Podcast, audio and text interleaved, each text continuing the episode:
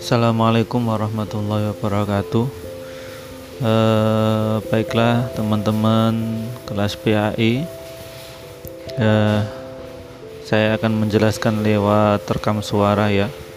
Jadi untuk eh, mohon maaf tidak bisa gimmick karena saya masih saya sekarang ini masih berada di rumah sakit. Jadi tidak tahu kapan ini sampai kapan di sini e, karena kondisi anak yang belum stabil. Jadi akan saya saya akan menjelaskan beberapa waktu lalu saya tidak bisa menjelaskan. Nah untuk saat ini saya akan menjelaskan tentang e, tafsir dari Luk, surat Al-Luqman ayat tafsir surat Luqman ayat e, 12 sampai 19 sebelumnya saya akan memberikan profil sejenak ya e, siapakah Lukman itu. Lukman Hakim ya Lukman Hakim itu tapi dalam suatu ayat itu dijelaskan Lukman. Tetapi nama lengkapnya wakila itu Lukman Hakim. Nah Lukman Hakim ini bukanlah seorang nabi.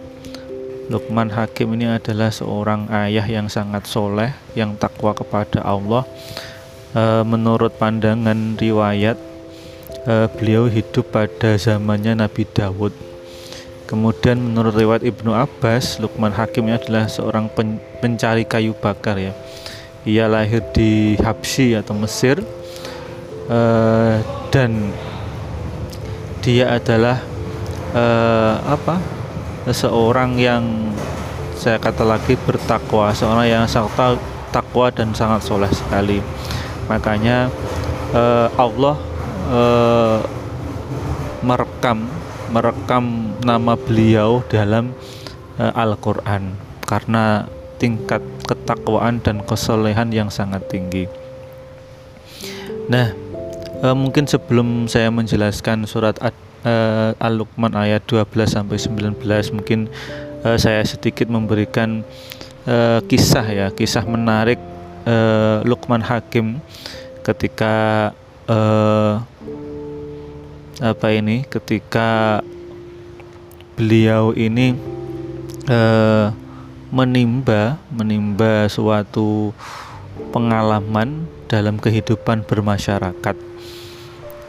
Bahwa dikisahkan bahwa Lukman Hakim ini pada suatu saat ini pergi dengan anak, anaknya menaiki seekor keledai jadi keduanya ini menaiki seekor keledai. Kalian tahu keledai itu kan kecil ya, eh, lebih kecil dari kuda. Nah, pada suatu masyarakat keduanya ini di dicerca atau di apa ini eh, dikomentari lah oleh suatu masyarakat tertentu. Bila mereka berkomentar bahwa eh, masya Allah bapak dan anak kamu nggak kasihan ya. Masa keledai kecil begitu dinaiki dua orang? Nggak ada rasa kasihan sama sekali. Nggak ada rasa peri kebinatangannya. Kemudian akhirnya anaknya disuruh turun. Lalu bertemu lagi dengan kumpulan masyarakat yang berbeda kemudian mereka berkata lagi masyarakat yang berbeda, berbeda itu ya Allah orang tua itu nggak tahu malu. Tega-teganya masa dia naik keledai anaknya itu yang nuntun? Gitu kemudian Luk, akhirnya Lukman pun turun dan gantian anaknya yang naik. Nah pada suatu kesempatan yang lain di, di, di sekumpulan masyarakat eh, ada lagi masyarakat yang mencerca atau yang berkomentar masa anaknya yang muda dan kuat itu naik keledai sementara dia yang nuntun padahal sudah tua. Kemudian akhirnya keduanya memutuskan untuk turun dan menuntun keledai tersebut. Dan sama seperti yang sebelumnya eh, ketika bertemu dengan sekumpulan masyarakat yang lain mereka tetap dikomentari. Sungguh bodoh mereka itu. Masa keledai itu dituntun seperti itu. Nah ini dapat diambil diambil hikmah bahwa eh, komentar orang itu pasti seperti itu. Jadi selama kita melakukan sesuatu yang sesuai dengan uh, real real atau sesuatu dengan sesuatu yang memang sudah diajarkan maka kita janganlah takut akan komentar orang lain. Akan tetapi kalau memang kita salah ya kita apa itu kita harus menerima komentar dan memperbaiki diri kita.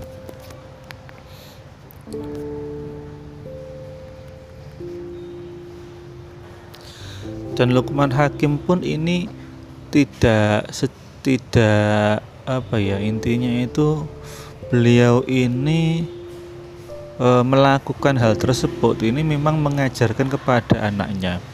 Mengajarkan kepada anaknya betapa e, e, bermacam-macam bermacam-macam bentuk komentar masyarakat mengenai suatu persoalan. Jadi janganlah kaget misalnya seperti itu. Ini Lukman Hakim ini memang mengajarkan kepada anaknya nah beliau ini mencoba untuk itu tadi menaiki sebuah keledai tadi makanya eh, timbullah komentar-komentar berbagai di kalangan masyarakat tersebut nah itu adalah apa ini sedikit cerita yang sangat menarik ya untuk kita jadikan uh, ambil hikmah dari cerita tersebut. Kemudian langsung saja kepada uh, ayat 12 sampai 19 Al-Luqman. Uh, bukan Al-Luqman ya, surat Luqman ya. Bismillahirrahmanirrahim. Walaqad ataina Luqman al-hikmata anishkur lillah.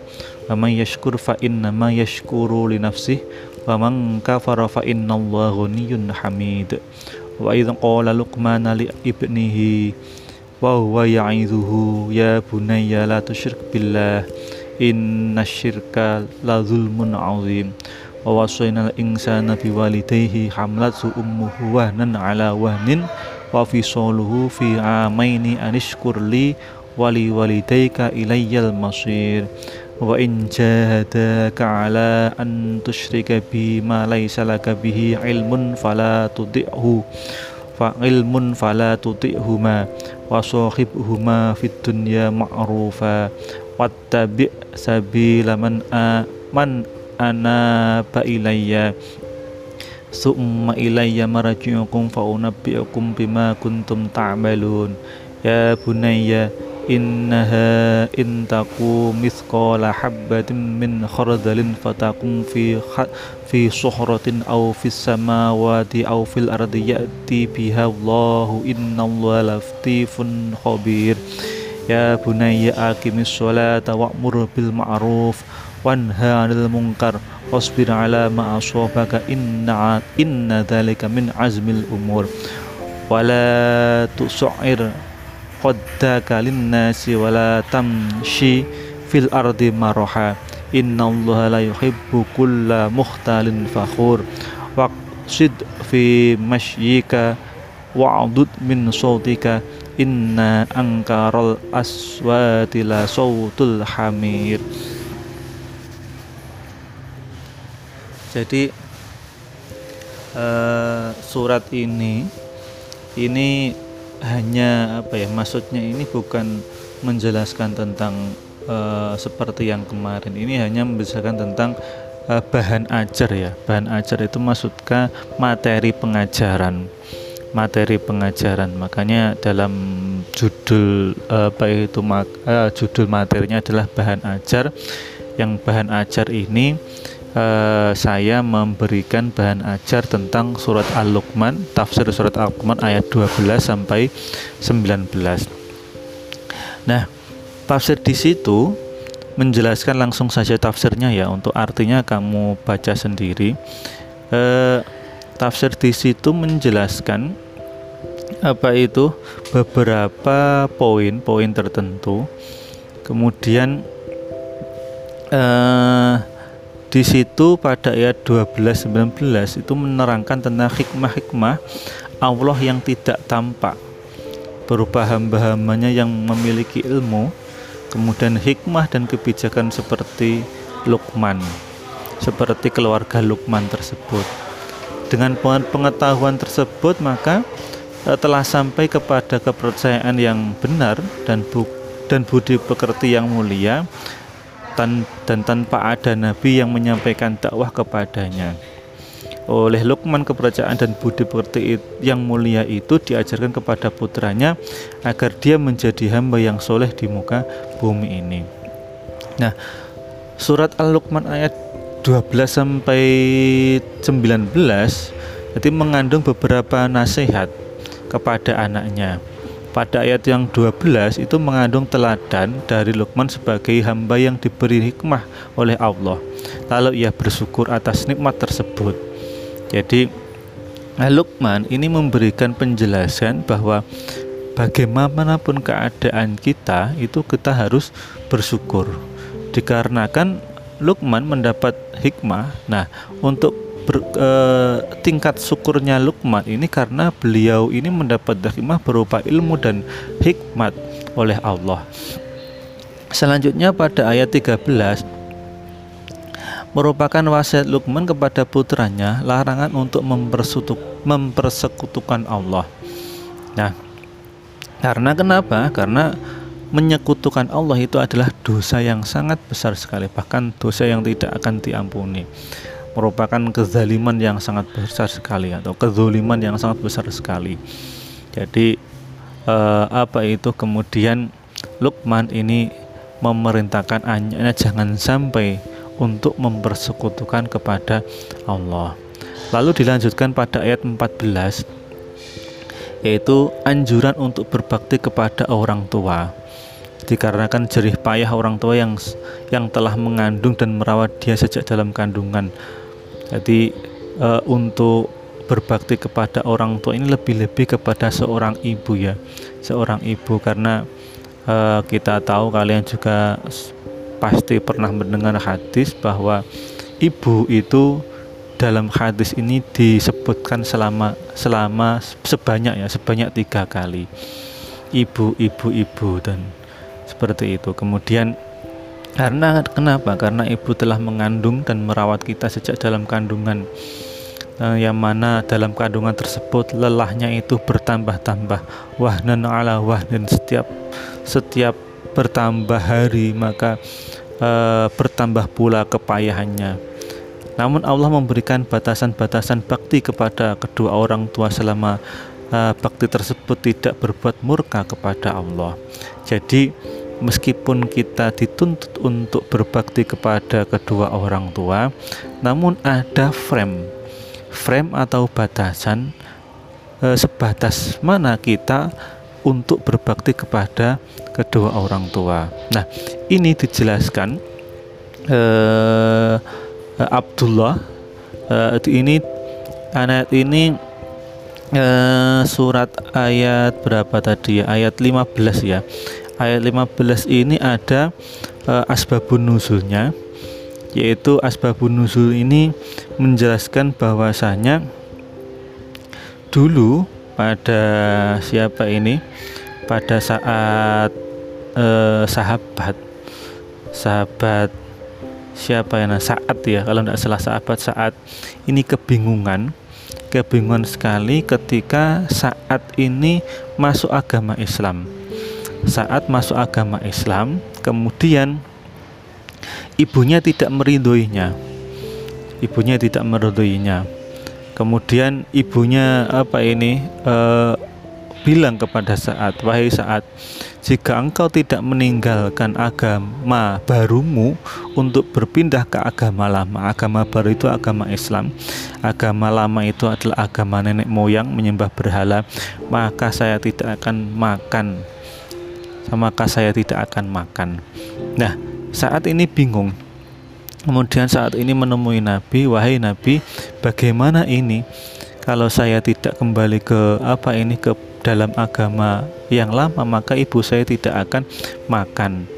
Kemudian turunlah ayat Luqman tersebut yang menjelaskan bahwasanya bolehlah kita mengikuti e, nasihat atau perintah orang tua, tetapi perintah orang tua itu harus kita batasi selama tidak me apa itu selama tidak melanggar syariat agama, selama tidak melanggar e, tuntunan agama, maka apa itu eh, perintah tersebut wajib kita wajib kita penuhi, wajib kita lakukan. Tetapi apabila e, perintah tersebut ini melanggar syariat agama, maka wajib kita untuk tinggalkan. Seperti apa ini ancaman seorang ibu Umi saat ini Umi saat atau ibunya saat kepada saat yang mana saat memeluk agama Islam nah eh, saat berkata wahai ibu seandainya kau memiliki seribu jiwa kemudian satu persatu meninggal tetap aku tidak akan meninggalkan agama baruku. Karena itu terserah ibu mau makan atau tidak. Kemudian ibunya pun mau memakan Nah, ini menggambarkan bahwasanya memang eh, kepatuhan kepada kedua orang tua ini ternyata ada frame-nya, ada batasannya. Batasannya apa?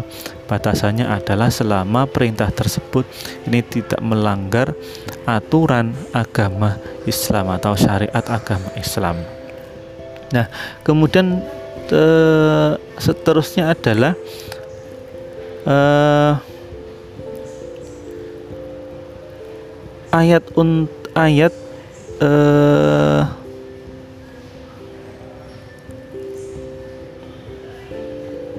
kemudian ayat berapa? 15 tadi sudah ya. Uh, ayat 16 ayat 16 ayat 15 itu berbakti kepada orang tua. Namun harus apa itu? Harus ada batasannya. Batasannya apa? Ketika perintah tersebut ini melanggar syariat agama Islam. Kemudian eh, ayat ke-16 adalah wasiat Luqman kepada anaknya berupa anjuran mendirikan sholat, amar ma'ruf nahi mungkar, dan bersabar atas segala cobaan. Yang merupakan bukti seorang hamba dalam menge mengesahkan Allah. Ini adalah cobaan, kemudian uh, amar ma'ruf bersabar. Ini adalah sebagai apa ya bukti seorang hamba dalam mengisahkan Allah. Dilanjutkan pada ayat 18 merupakan larangan berbuat angkuh jadi larangan kita itu untuk tidak berbuat angkuh. Dan yang terakhir adalah nasihat Luqman pada anaknya ayat yang ayat ke-19 adalah uh, anjuran untuk menjaga sikap.